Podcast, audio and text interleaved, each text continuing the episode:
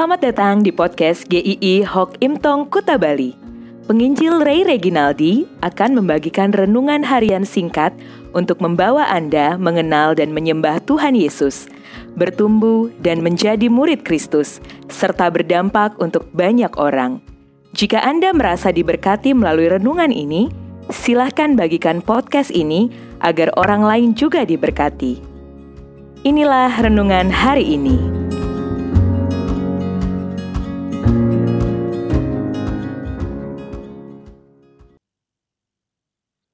Keputusan. Roma 12 ayat yang kedua.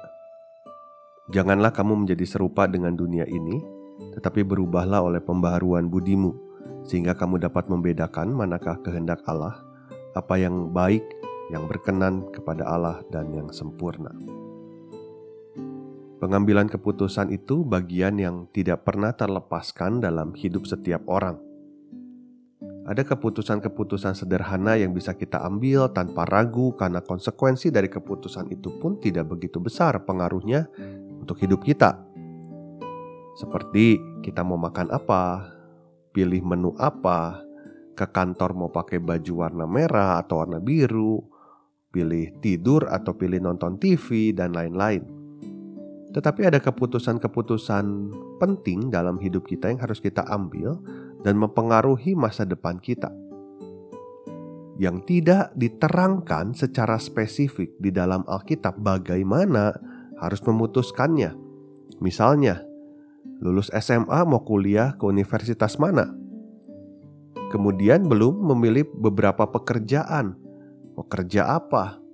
Kemudian menetapkan hati apakah pacar saya saat ini akan menjadi pasangan hidup saya. Atau apakah benar saya harus menetap di gereja ini atau tidak, dan lain-lain.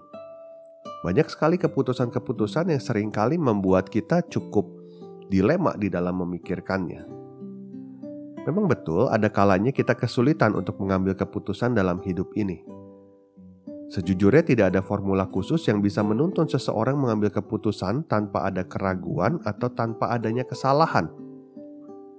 Sekalipun tidak dijelaskan secara detail bagaimana kita mengambil keputusan dalam banyak aspek, banyak hal di dalam hidup ini, tetapi yang harus kita pegang dalam mempertimbangkan pengambilan setiap keputusan adalah sesuai dengan rambu-rambu yang Tuhan sudah tetapkan. Salah satu yang bisa menjadi tuntunan kita adalah ketika kita memiliki relasi yang baik dengan Tuhan, sehingga kita memiliki kepekaan di dalam mengambil keputusan itu atau kita mempertimbangkan dengan cara yang Tuhan mau. Seperti Roma 12 ayat 2. Janganlah kamu menjadi serupa dengan dunia ini tetapi berubahlah oleh pembaharuan budimu. Berubahnya pembaharuan budi ini dihasilkan dari relasi dengan Tuhan yang membuat pikiran kita diasah oleh firman Tuhan, kita semakin mengerti akan kehendak Tuhan, apa yang menyukakan Tuhan, apa yang tidak menyukakan Tuhan, kalau saya kerja ini apakah itu berkenan di hadapan Tuhan? Kalau saya berjalan dengan pasangan saya untuk melangsungkan pernikahan, apakah ini pasangan yang sama-sama akan memuliakan Tuhan atau tidak? Ada hal-hal yang bisa kita pertimbangkan dengan lebih baik. Paulus juga mengatakan bahwa dengan berdoa kita mengerti proses bimbingan Tuhan. Kolose 1 ayat 9 sampai 10. Mungkin kita nggak langsung dapat jawabannya, tetapi ini adalah tanda bahwa kita menyerahkan untuk keputusan ini bersama dengan Tuhan. Ini adalah langkah yang paling awal untuk menjadikan Tuhan pusat hidup kita dalam menentukan setiap keputusan yang akan kita ambil. Sekalipun terkadang kita mungkin bisa tidak yakin dengan beberapa keputusan yang diambil kita tidak 100% punya keyakinan itu.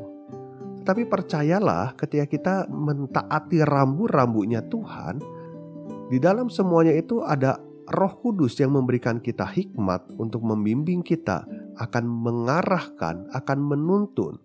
Kita tidak pernah berjalan sendirian. Yang paling penting, jangan melanggar rambu-rambunya. Jangan mengambil keputusan yang hanya untuk menyenangkan kita. Jangan mengambil keputusan hanya cari untung, tidak peduli akan ketentuan-ketentuan Tuhan. Tuhan Yesus ketika di dalam dunia ada banyak hal yang mencoba membelokkan dia dari kehendak Bapa. Iblis mencobai sampai tiga kali di padang gurun, menawarkan kenikmatan dunia, menawarkan kekuasaan. Para murid sempat menegur Tuhan Yesus ketika dia mengatakan dia akan menderita dan mati. Mereka nggak rela. Kalau mengikut Tuhan itu artinya penderitaan.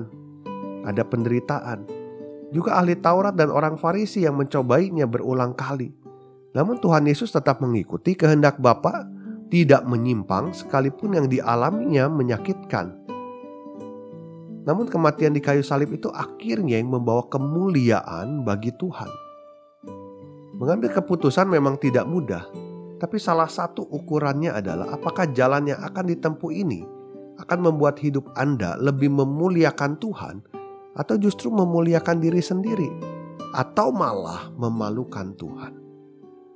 Maka, ketika akan mengambil keputusan-keputusan, Anda bingung, Anda tidak mengerti, datang kepada Tuhan, analisa dengan rambu-rambu Tuhan, dan selamat untuk bisa bergumul bersama-sama dengan Tuhan. Amin.